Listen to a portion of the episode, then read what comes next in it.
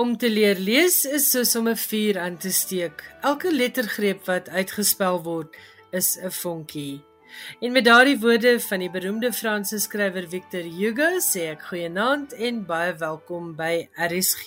Ek is Elsje Siltsveld.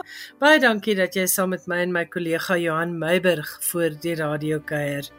Johan het oudergewoonte vir ons internasionale boeke nuus en die res van vanaand se program word gewy aan iemand wat 'n groot groot bydrae tot Afrikaans gemaak het, die digter en skrywer Petra Miller. Ek gaan in die eerste helfte van die program met professor Karen de Wet, die redakteur van 'n nuwe huldigingsbundel oor Petra Miller, gesels en in die tweede deel van die program kan jy luister na 'n gedeelte van 'n gesprek waarin Petra met Wyle Mago luit gesels het oor haar werk en waarin sy ook 'n paar van haar eie gedigte voorlees. Maar voordat ons daarby kom, hier is Johan Meiburg met sy eerste bydrae vir vanaand en dit handel oor die Britse skrywer Hanif Kureishi.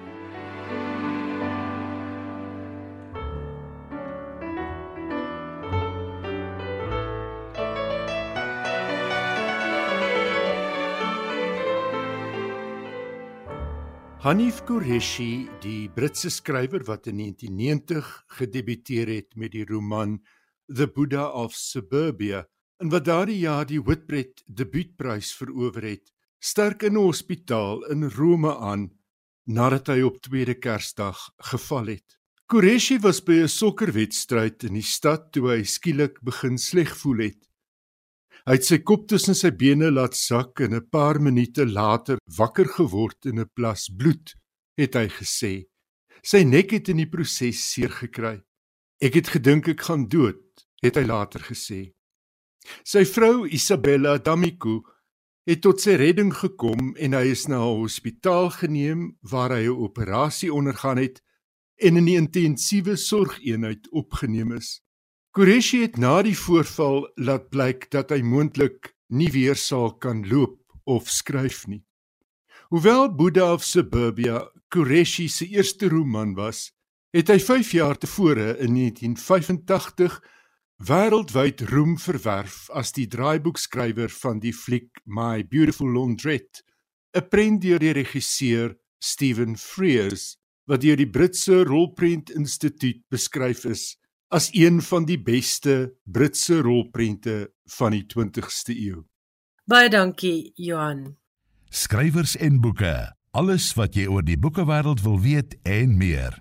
Ek gesels vanaand met professor Karen de Wet, sy is van die Universiteit van Johannesburg en die samesteller van 'n lieflike huldigingsbundel oor die digter en skrywer Petra Miller en die titel van hierdie huldigingsbundel is Die skerp geveilde oomblik.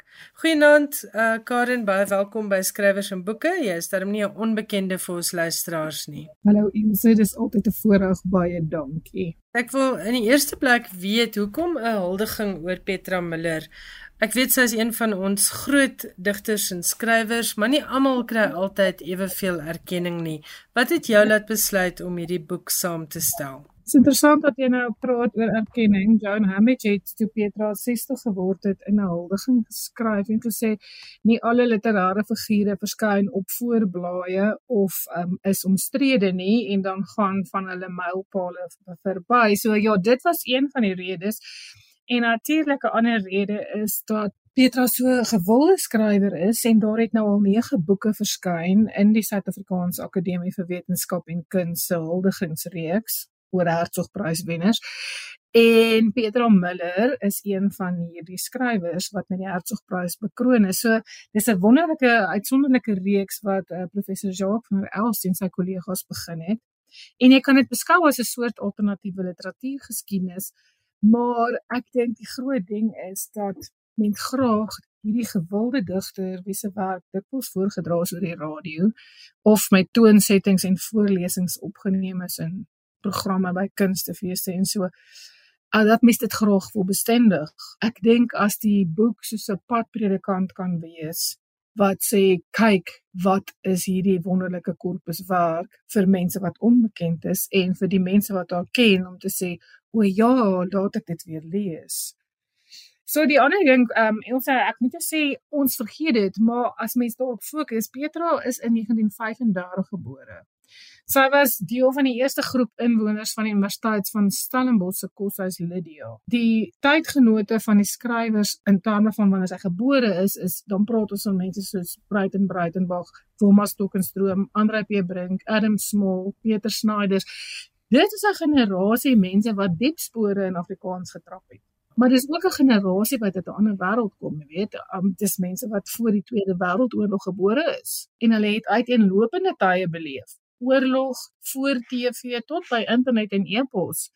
Ek meen daar sit Bruiden Beidenbach vandag en stuur vir ons gedigte per e-pos.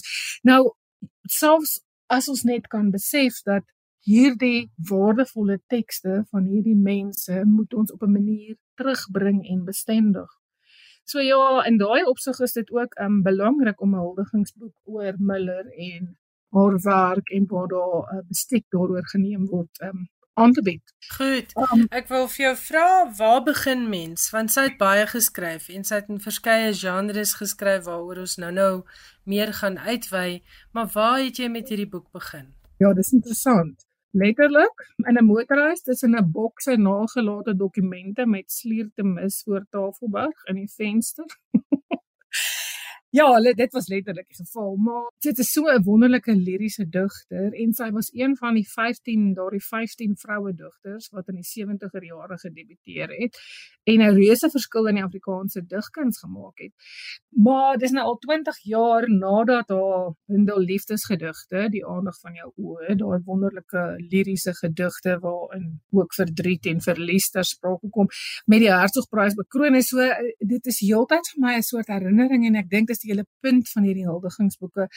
As mens nie iets bestendig nie, gaan dit verlore gaan. So daai was die plek waar ek begin het.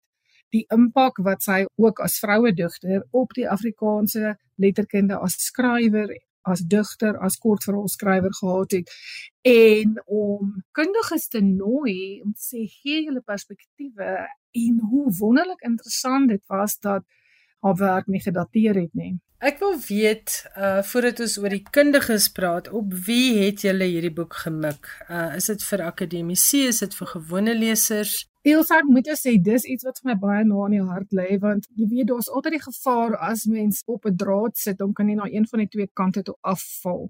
Maar dit is rarig vir my iets uitnemends van hierdie reeks boeke, die huldigings vir die Hertzogprys wenners is dat dit um dit is wel baie beslis akademiese teks, maar dit is nie swaarwigtig en oordadig of moeilik om te lees nie. Dis met ander woorde nie net 'n huldiging nie, dis ook 'n bekendstelling. Die boek sê, kyk, daai digter wat jy ken aan haar liefdesgedigte of haar elegieë of haar odes aan die aarde. Kyk, sy het ook dit geskryf en so geskryf. So ja, daar is akademiese perspektiewe en ek wil dit hoegenaamd nie afmaak nie. Dis vooraanstaande mense met baie interessante baie leesbare navorsing. Maar daar is ook hierdie wonderlike anekdotes en essays wat geskryf is deur vriende en kollegas wat meer sê van die mens, van die biografiese inligting, waar het sy groot geword en inderdaad by Miller het dit haar hele lewe en skrywe beïnvloed die bykans magiese en mistiese ervarings wat sy nie net in die natuur gehad het nie, het sy omgetoer. So ek sal baie graag beklemtoon en mense wil uitnooi om te sê hierdie is 'n hoogs leesbare boek. As jy skrik vir die woord akademies, moet net eenvoudig nie so daaraan dink nie. Dink aan daar is agt bydraes oor hierdie skrywer se werk wat bepaalde temas toeganklik maak en dan weet jy wat is wonderlik. Daar's twee bylaas wat ek dink absoluut uitsonderlik is en wat die boek net nog meer toeganklik maak. Afgesien van die stukke oor haar biografiese lewe, is daar 'n fotobylaag En wonderlik gewees vir my om te kon sien jy moet hierdie hierdie fotos gaan soek by vriende, familie, argiewe, tydskrifte. Jy weet ek meen hoeveel het kameras gehad in 1940 toe sy 5 jaar oud was. So so, so ek het 'n byvoorbeeld daar's 'n foto van hierdie jong 22-jarige student wat ons in die argiewe gekry het in 'n knipsel toe haar eerste storie verskyn het in die, dit was 'n kompetisie wat sy gewen het in die huisgenoot. So dit is in die boek en dan die foto bylaag gee 'n soort van 'n perspektief van so het hierdie vrou gelyk op hierdie stadium van haar lewe wat jy dan heerlik kan verbind met dit is die teks wat sy geskryf het op daardie stadium en dan ook onder verskillende skuilname. Dis nou die fotobylaag wat die boek so hoogs leesbaar maak en die essays het ons oor gepraat en dan vir my die geheime wapen wat lesers na hierdie boek ek wil amper sê soos baie gaan lok na heuning is daar is gedigte wat digters spesifiek vir hierdie boek geskryf het oor Miller en haar werk. Al mense soos Dominique Botha en Marius Kraus, Johan de Lange, Melanie Grobler, en Mitch Marlise Bard. Dis 'n groot trekpleister.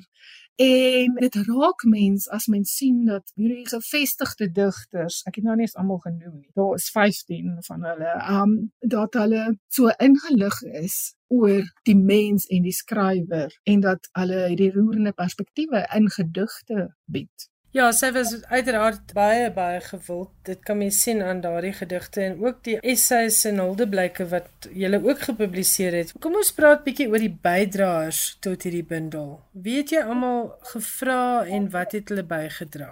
As ons kan fokus op die 8 akademiese of letterkundiges wat perspektiewe gebied het op Miller se werk, dan is dit besonder opwindend vir my want uh, Louise Viljoen het byvoorbeeld geskryf oor die posthumanisme en Sonja Loots oor mens-dier verhoudinge in Miller se verhale. En ons ken die skrywer en digter Fransja Smit wat terloops ook um, van die laaste digbundels van Petra Miller was hy haar redakteur. Hy het geskryf oor die totemistiese verbeelding by Miller. Alles natuurlik met baie interessante voorbeelde wat mens so direk laat terugjaag na um, kortverhale en haar gedigte. Susan Meyer wat by Potchefstroom werk oor die ekokritiek hier daaroor geskryf. Adele Nel wat ons ook baie goed ken in terme van haar werk oor beeldgedigte het oor oog en beelde en skilderye en sinbeeld geskryf by Miller. Marius Kraus het oor erotiek en pornografie geskryf. En dan ook ons was baie bevoorreg want Riet Botma het toepas haar um, meestersgraad afgehandel oor Miller se elegiese poësie en sy kon ook 'n bydrae lewer. Van die mense wat lekker kan skryf en stories het om oor Miller te vertel, wat, wat die essays geskryf het, is Hetty Schools en Frederik die Jager laas jaar die Eugene Marais prys gewen het, die EE prys, Joan Hambidge, Melanie Grobler. Ons wonderlike titels soos die vrede van gedigte wat sing soos dolfyne. 'n wonderlike tekste, ja. Goed, ek wil met jou gesels oor Petra Miller, die mens. Dit wat jy nou 'n bietjie leer ken het van haar deur jou leeswerk, deur jou onderhoude en deur al hierdie bydraes. En natuurlik ook die verskillende genres waarin sy geskryf het, want sy het tydskrifkortverhale geskryf, ernstige kortverhale, essays, gedigte, Sy was 'n skrywer wat ook onder verskeie skuilname in verskillende genres geskryf het. Vertel vir ons 'n bietjie meer oor Petra Miller as skrywer. Ek sê ja, dis waar wat jy sê en dankie daarvoor want ek moet sê dit is die deel wat my met my navorsing die meeste geïnteresseer het en op die ount is dit die deel waar ek die hoofstuk wat ek vir die boek voorgedra het waarop ek gefokus het en nie op haar werk self nie want ek het gedink skielik het daar net voor my oopgeval hoe veelsidig en produktief Petra Miller as skrywer is wanneer jy nie net na wat ons nou noem maar sogenaamde literêre werk kyk nie. Onthou net toe sy in 1970 as digter gedebuteer het, was sy reeds 40 jaar oud. Maar lank voordat sy haar reiservarings of besinnings oor Mediterrane lande en klassieke beskawings omgedig het tot 'n bundel soos Liedere van Land en van See, het sy reissketse in tydskrifte gepubliseer. Om die waarheid te sê, mens moet ook onthou dat in verskillende tydperke van haar lewe sy haar leefstyl aangepas het by haar werk. As andersom, sy het baie vroeg getrou, was in haar vroeë 20's en dit nadat sy net 'n jaar en 'n half as vaste permanente uh, verslaggewer by die burger gewerk het. So ek kan my voorstel dat iemand wat so toegewyd gefokus is, ek wil net skryf en dat jy die Desember direk nadat jy jou graad by die Universiteit van Stellenbosch ontvang het, direk na die burger se kantore toe gaan en nie huis toe gaan nie. 'n Jaar en 'n half later haar um permanente posisie prysgee omdat sy kies om haar kinders groot te maak. Nou dink mense sy verdwyn. jy weet dis maklik om te sê wel van daardie jare tot in 1970 uh, het sy niks gedoen nie, maar dit is gewoon nie waar nie want soos jy sê sy het onder skuilname geskryf afgesien van die verslagwerk wat sy gedoen het, um die verhale van Magriet Smalberger was gewild in huisgenoot en um dit is ekskuus, dis een van ja. haar uh skuilname. Haar skuilname, ja. Die die kort romans van Magriet Smalberger, die liefdesromans, populêre romans, was besonder gewild so, tot so 'n mate dat um Tafelberg meer as een keer die omnibus gedruk het. Maar weet jy wat ek het ook ontdek dat sy ander skuilname ontdek het. Daar is byvoorbeeld briewe van Henny Oukamp waarin hy verwys na die rubriek wat sy vir die burger geskryf het as Helena Stroebel. Interessant. Ja, so as mens dan 'n tydlyn maak van waar sy was in haar lewe en wat sy gedoen het, familie en jy sal dikwels hoor dat mense, ek bedoel nou haar gesin as ek sê familie, maar duidelik ook haar familie, uh, sy het 'n baie nou band gehad met haar skoonpa en dit was natuurlik die band na haar digkuns maar kom ons fokus net op die op die oorsig in plaas van die detail dit was belangrik in haar lewe en dit wil sal jy hoor dat mense wat haar geken het sê sy het nie fitriasies gehad nie en sy het geweldig baie werk gedoen as mentor en keurder eers by die Sari en toe by Tafelberg vir jong skrywers. So al hierdie energie as jy dit kyk hoe dit gekanaliseer is in berigte vir koerante en artikels of essays vir tydskrifte en stories en liefdesromans en jy sit dit by al literêre werk dan kry jy 'n beeld, jy kry 'n prent, 'n indruk van die veelsidige produktiwiteit en dit dink ek is een van die wonderlike goed van die boek wat dit meer as net 'n literatuurgeskiedenis is dis ook 'n opgawe van waar sy oral gewerk het en wat sy bygedra het Karen, kom ons praat bietjie oor die subtitel, die skerp gevuilde oomblik. Kom dit uit een van Petra Miller se gedigte? Dit kom inderdaad uit die uit die gedig met die titel Praag se gedig. Ek moet sê daar is soveel klinkende en veelzeggende en beskrywende reëls by Miller dat ons nogal heelwat gehad het om van te kies, maar op die ouend het ons gedink dit gee iets weer nie net van haar skrywerskap en haar digterskap nie, maar ook van haar ingesteldheid as mens. En dit is ook 'n soort memento mori waar sy sê die eerste twee strofes van die gedig sê nie vir enige groot silwer waarheid in die wêreld nie, maar as jy dit so sou wou hê vir 'n stuiwertjie stilte leef ons hierdie skerp gevuilde oomblik waarmee 'n landskap gekloof sou kon word as dit moet hierdie mes van 'n uur. So daardie intensiteit en die fokus op die hier en die nou en jy weet ook in ons era waar ons dit nou benoem met in die oomblik fokus en bewus leef, het ek gedink dit is die antwoord. Dit is die beelding van wie Miller en haar werk is, die skerp gevuilde oomblik van insig beleef en sê. Ter afsluiting, wat sou jy beskou as Petra Miller se grootste nalatenskap aan Afrikaans? Ek moet eerlikwaar sê en so hoe moeilik dit ook al is, ek dink die veelsidigheid van haar as skrywer en die bydrae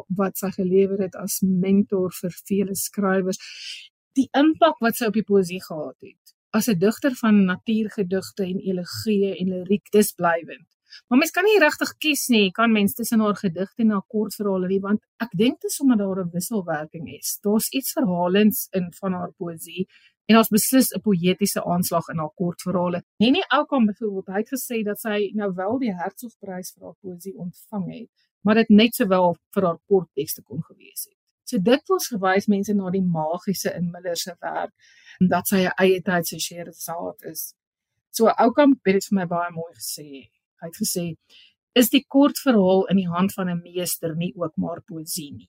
En dit dink ek is miskien die onmiskenbare bydrae waarvoor ons net vir Petra Miller kritikers dankbaar kan wees. Ek het gesels met professor Karen de Wet van die Universiteit van Johannesburg. Sy is die redakteur van 'n huldigingsbundel oor die digter en skrywer Petra Miller en die volledige titel van hierdie bundel is 'n huldiging Petra Miller, die skerp gevuilde oomblik en die uitgewer is Naledi.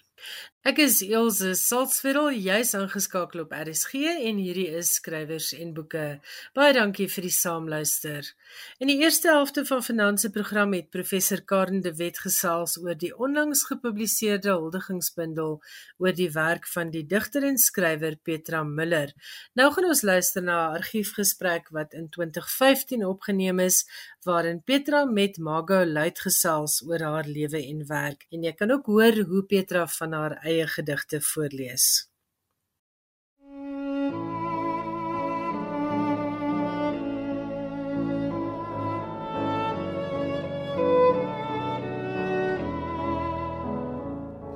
Goeienaand en welkom weer eens by Fashion Klank.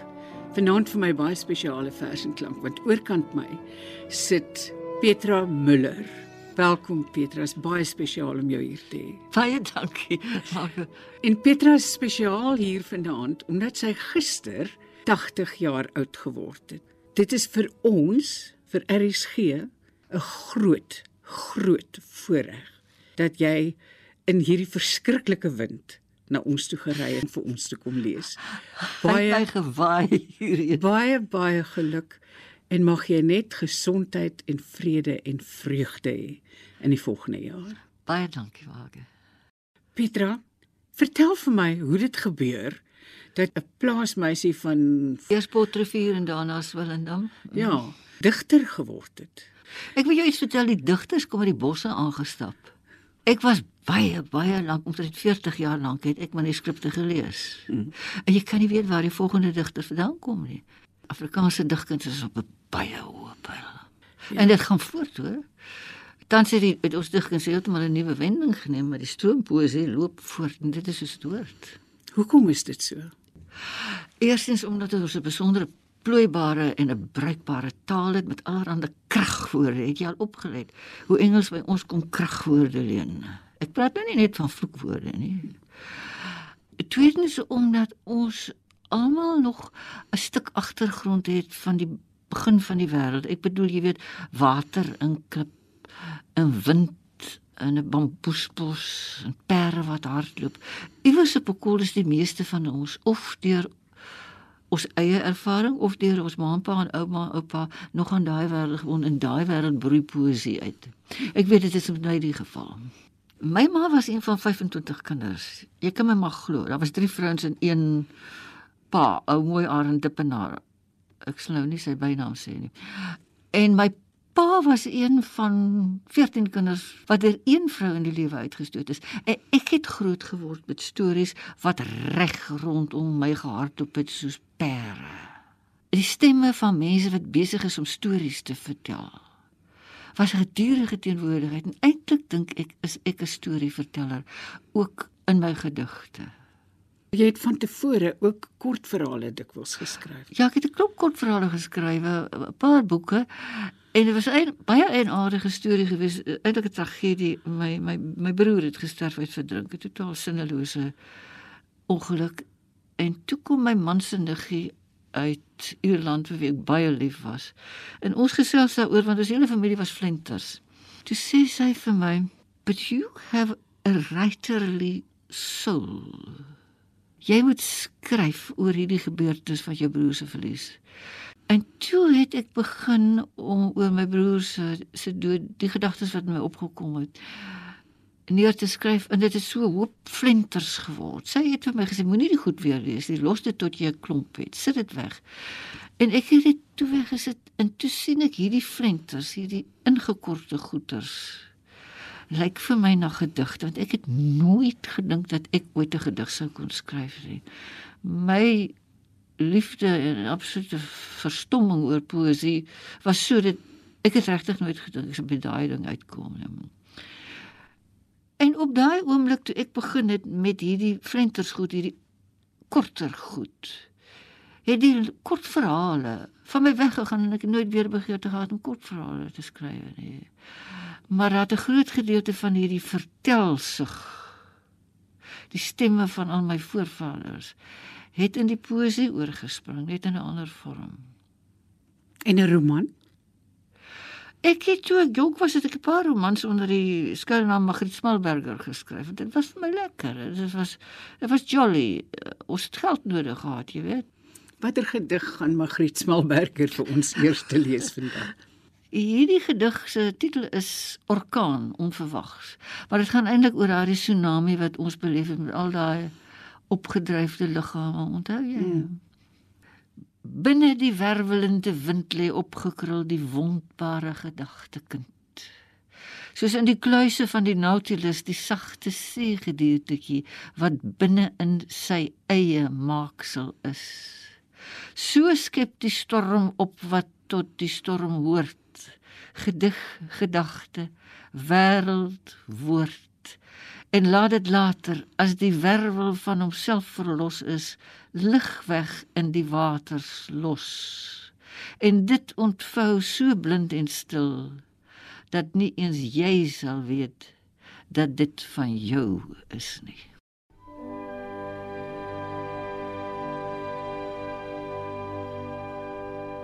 Maak jy snags notas langs jou bed? as ek wakker word baie dikwels maar meestal in die vroegoggend.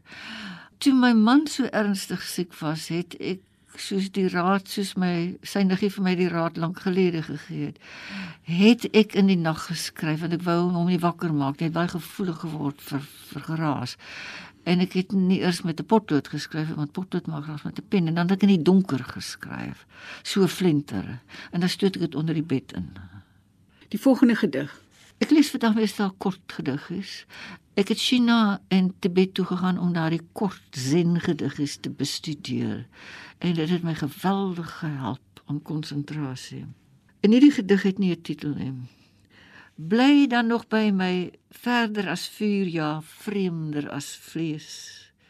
Die liggaam in gordyne hang van grou vergetelheid, ontheemd. Wiesende is dit hier by die baie gesange voorlopig nog myne bly jy dan by my getroue met wat nog jy is van joue ek het baie lank tyd met die zen deurgebring en die woord zen beteken aandag kyk na die blomme van die veld die hele bergpredikasie is zen van voor tot agter Daar's 'n digter in Afrikaans sy naam is Niklas Lou. Ander mense noem hom van Wyk Lou. Daardie man is vir my die Everest. Ek kan nie verstaan dat Tristia stuk stuk nog nie in Engels vertaal is nie. Dit is wêreldwerk daai. En hy's hy's almekaar by my. 'n Vriendin van my het 'n het 'n baie groot wonderlike iets van van Wykley waar hy so skuins afkyk. Hmm. Vir my gegee en dit hang in die muur agter my. Ek kyk hier in my nek vas terwyl ek werk. Nou hierdie hierdie is drie klein sulke gediggies. En die titel is Hulde VWL. Ons moet leer afleer praat van God. Totdat ons weet wat is nou God, dit weet ons nie. Daarom die stotteringe en die kan nie meer tot sê kom nie. En later in die nag halstarrig nagstilte.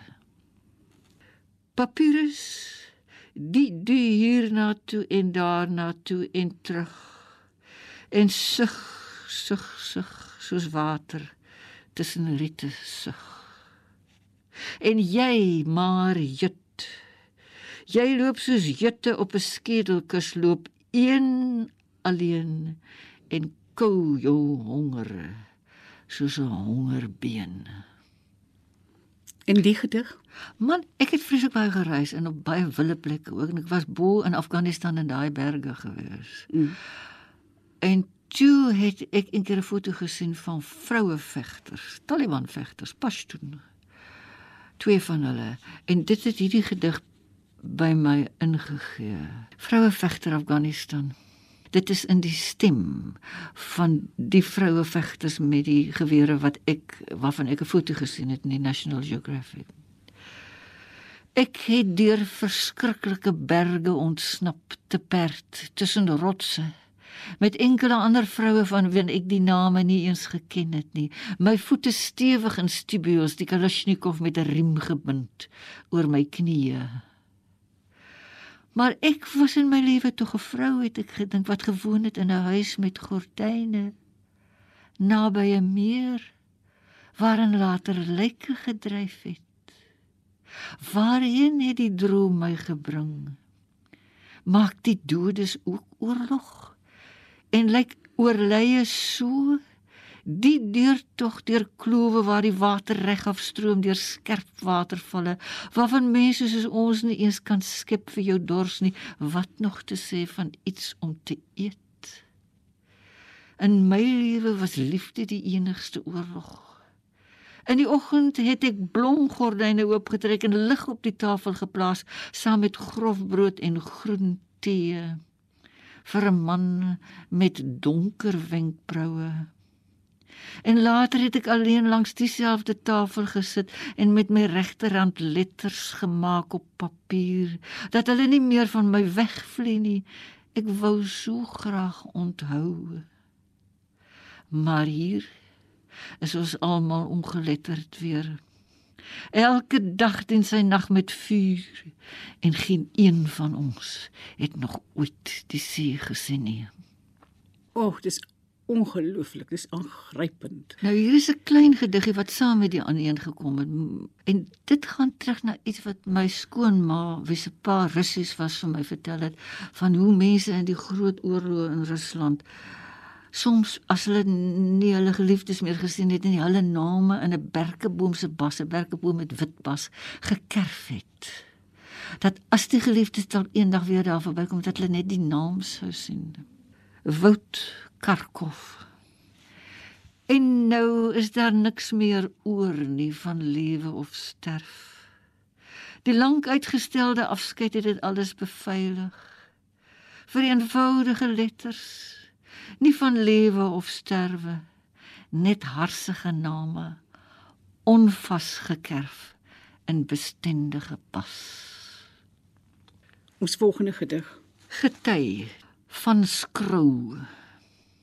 Ek het vanaand 'n stem gehoor wat antwoord op my eie stem en opgesaal en onder sterre uitgery tot in die ravyn waar weersprak aan die kranse klou. Ek is 'n vrou, gewoon. Ek het tevore sulke plekke nie geken nie of verken. Ek sou dit skaars kon glo dat ekos hul belofte in die donker hou. Dis 'n baie rowwe gedig. En alles wat in hierdie gedig staan is waar. Dis verhale wat vir my vertel is. In hierdie land verbrand 'n man se eie skuldige hand. 'n Ma spring met haar tweeling aan haar hande in die Kimberley se gat. Sy het nuwe skoene gekoop vir die geleentheid. 'n Verkragte meisie word in stukke opgekerf en verdeel. Presidente word dik. Hulle koppe glim. Hulle oë peel uit van die las wat gedra moet word deur presidente groot en klein. Honde word wild en maak trop. Wat is daar nog wat gevreet kan word? Afgronde lonk. Die klip val in die leegte weg so lank suis word selde gehoor. Die hart hou asem op en gee hom aan die lewe oor. Jy het gesê jy het Engelse gedigte wat ek nog nooit gehoor het nie of gelees het nie. Het jy vir ons een saamgebring? Ja, ek skryf dikwels Engels as ek met by dit alles ek oor sê is daar by my mense in Kanada skryf ek net Engels. Dit is wat by my ore inkom. Jy weet, nou steek dit 'n bietjie vas en gaan dit alle kante weer uit. Nou hierdie is 'n Engelse gedig waarvoor ek baie lief is. En dit is 'n gedig vir my oudste seun, my my eerste kind. En dit is die stem van 'n fetus. Dit is die stem van die kind voor hy gebore word. En dis Engels. Under my sleeping lidded eyes the world is stirring. I am a music split through by the lub-dub of my own and mother's heart. My ears coil to the inside where seas speak in the thin bones of my skull.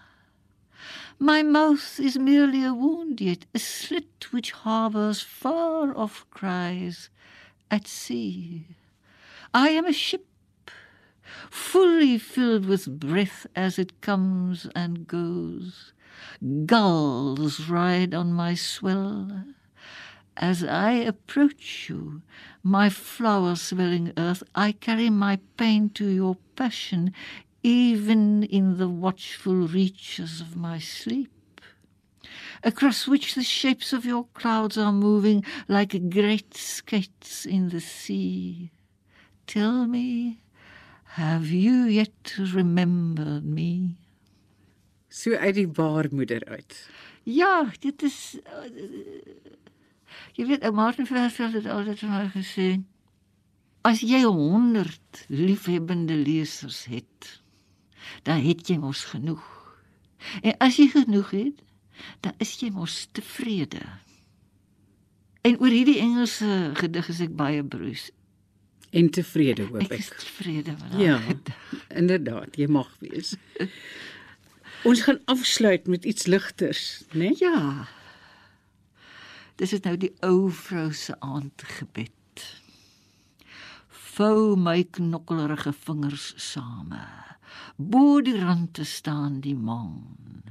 Lees ek in 'n stok ou boek, gee tog moeilikheid aan die wat moeilikhede soek. En as dit hier benede moontlik is, hou my hartjie nou nog reiner as tevore. Verlos my asseblief van hom waar alles rym. Bisie bisie bame vra ek en ek weet dis baie arme. Arme. Arme. Wat 'n lieflike opname. Baie dankie aan Karen de Tooy van ons argiefdiens. Sy het gesorg dat ek daardie klankopname kon opspoor en jy het geluister na Wyle Petra Miller. Sy is verlede jaar oorlede net 'n maand voor haar 86ste verjaarsdag en sy was in gesprek met Wyle Mago Luit. Nou is dit Johan Meiburg se beurt om ons op hoogte te bring van wat die afgelope week in die internasionale boekewêreld gebeur het wat verkope betref.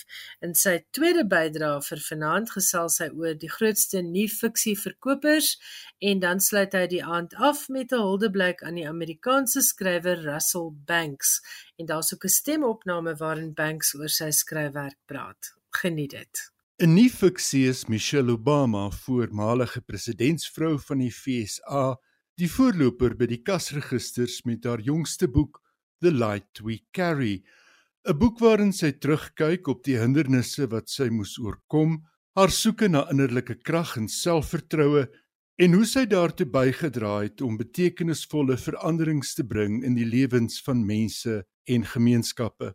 Meer as 17 miljoen eksemplare van haar vorige boek, Becoming in 2018, is wêreldwyd verkoop. In Brittanje het Spare, die omstrede outobiografie van Prins Harry, die rakke verlede week getref en oornag die land se nuwe-fiksie topverkoper geword. Meer as 400 000 eksemplare van die boek is op die eerste dag verkoop. Die verkope sluit in hardebanduitgawes, e-boeke en audioboeke. Larry Finley, besturende direkteur van die uitgewer Transworld Penguin Random House, sê die uitgewer was voorberei op 'n gunstige reaksie, maar het die verkooptempo glad nie voorsien nie. Sover ek weet is die enigste ander boek wat nog die verkoopsyfer gehaal het, die van die ander Harry, het Finley gesê. Harry Potter. Die outobiografie waarin die prins nie doekies omdraai nie, word gereken as een van die topverkopers van die jaar en ook as een van die invloedrykste boeke van 2023. Skrywers en boeke. Alles wat jy oor die boekewêreld wil weet en meer. Russell Banks, die Amerikaanse skrywer van romans soos Affliction en The Sweet Hereafter, albei boeke wat verfilm is, is onlangs dood. Hy was 82. Affliction is die verhaal van 'n polisiebeampte in 'n klein dorpie wat 'n jagongeluk en 'n sterfte moet ondersoek. The Sweet Hereafter is die tragiese verhaal van 'n skoolbusongeluk en die naderdraai van die voorval in 'n dorp in die FSA. Sy romans Cloud Splitter en Continental Drift is albei benoem vir die Pulitzerprys. Joyce Carol Oates, 'n kollega van Banks aan die Princeton Universiteit waar albei klas gegee het in kreatiewe skryfwerk, was een van die eerste skrywers om op Banks se dood te reageer. Ek was gek oor Russell en veral oor sy uitsonderlike talent en ruimhartigheid, het sy gesê. Sy werk is deurgangs van hoogstaande gehalte. Banks se karakters was dikwels blouboortjie werkers wat hulle vasloop teen armoede, dwelmmisbruik asook klas en raskwessies. Hy het by geleentheid gesê hy skryf in 'n literêre tradisie wat terugstrek sover as Mark Twain 'n skrywer wie se werk tot stand gekom het uit die liefde vir mense op wie neergesien is. Ek het 'n byna kinderlike voorliefde vir hulle, het Banks gesê. Aan die Franse tydskrif Le Monde het hy in 2016 in 'n onderhoud gesê hy ag homself gelukkig om 'n skrywer te kan wees, maar minder so as 'n burger van 'n land waar middelklas Amerikaners nie langer voel hul kinders het 'n vooruitsig op beter lewens nie. Banks het ook heelwat kortverhale geskryf, 6 bundels verhale met A Permanent Member of the Family, die laaste een wat in 2013 verskyn het. Hier is Banks aan die woord by 'n bekendstellingsgeleentheid van die bundel en praat hy oor die aantekeninge wat hy deur die jare in joernale gemaak het en wat hy eintlik gebruik het in sy kortverhale. what I did in order to write this book was go back over my notebooks for the previous. Uh, some I think I went back about 15 years. Where I keep little notebooks like most writers, write down little sketches or notes or thoughts that might someday be something. And you never know, um, and usually you don't pay attention. And then, um, but in this case, I sat down, I went back over my notes, and I pulled out 12 that became the stories. Um, and I'll read you a couple of them just so you get some idea of what generated some of these stories, the kind of thing, because they differ. Sometimes it's just a an episode, sometimes it's a um, an image, and sometimes it's a a little uh, event, and so on. His one, um, man goes to academic literary Christmas party with new wife at ex-wife's house. Well, some of you been there? Is that is that the case? The laughter of familiarity. Man steps outside to smoke, etc. Views party through windows, full moon, snow, etc. Sees Latina nanny in dining room alone with new adopted African baby of hosts. Man decides he wants to hold the baby, goes into living room with fireplace, Christmas tree, while holding infant suddenly realizes he is drunker than he thought and drops the baby. All right. That became a story called Christmas Party a lot of these things dropped out of it and other things entered it, but that was what was the skeleton that began it. And he didn't drop the baby, I'll let you know that. Um, um, let's see. Story about a woman whose marriage is busted, putting her life into a storage unit. I have a storage unit, and and uh, I, I, put stuff into and store it, as many of you probably do, or some of you do. Uh, the stuff you can't keep in your house is just too much, and you never want to use it, and your kids aren't ready for it. Um, and I was there one time putting some boxes into it, and I saw a woman drive up in her little Mazda, and she was probably about 35 years old and attractive young woman, and she was unloading from her little Mazda car with the trunk up all these kind of like kitchen things, like a microwave and, and stuff you wouldn't be storing unless your marriage or your domestic relationship were collapsing. And she was doing, and she had tears. She'd clearly been crying in the morning. It was midday or so. And I thought, oh, yeah, yeah. there's a whole, there's a whole story there. It, it, anyhow, that was the note that ended up there, and it, it became a small part of a larger story uh, called Snowbirds. Um, and then I'll read you one more, which is kind of maybe amusing. I don't know. Some of them are a little longer than others, but this is a relatively short one, I think. Um, story about a. This is actually this became the title story. Uh, permanent member of the family. Story about a family dog given in divorce to custody of the husband father. Beloved old family dog. It's run over accidentally by the father with the kids in the car. Have to bury the dog. It's winter. Ground is frozen. Story is about anger. Duh. the kid's anger at the father, and the father's guilt for having abandoned his kids. And the dog is a sacrificial victim. You know, that was a note that I made, you know, many years ago that ended up as the key to, well, as a skeleton for the story that became the title story. Dit was die stem van Russell Banks, die Amerikaanse skrywer wat verlede week oorlede is en daardie stemopname is in 2013 gemaak.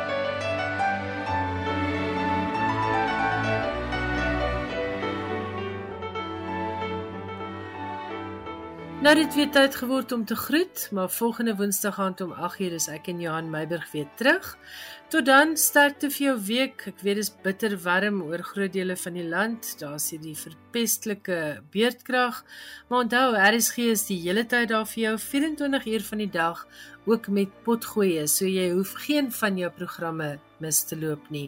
En vir al die tye tussenin, hoop ek jy het stapels wonderlike leesgoed. Tot ons volgende week weer saamkuier. Geniet jou week en mooi loop.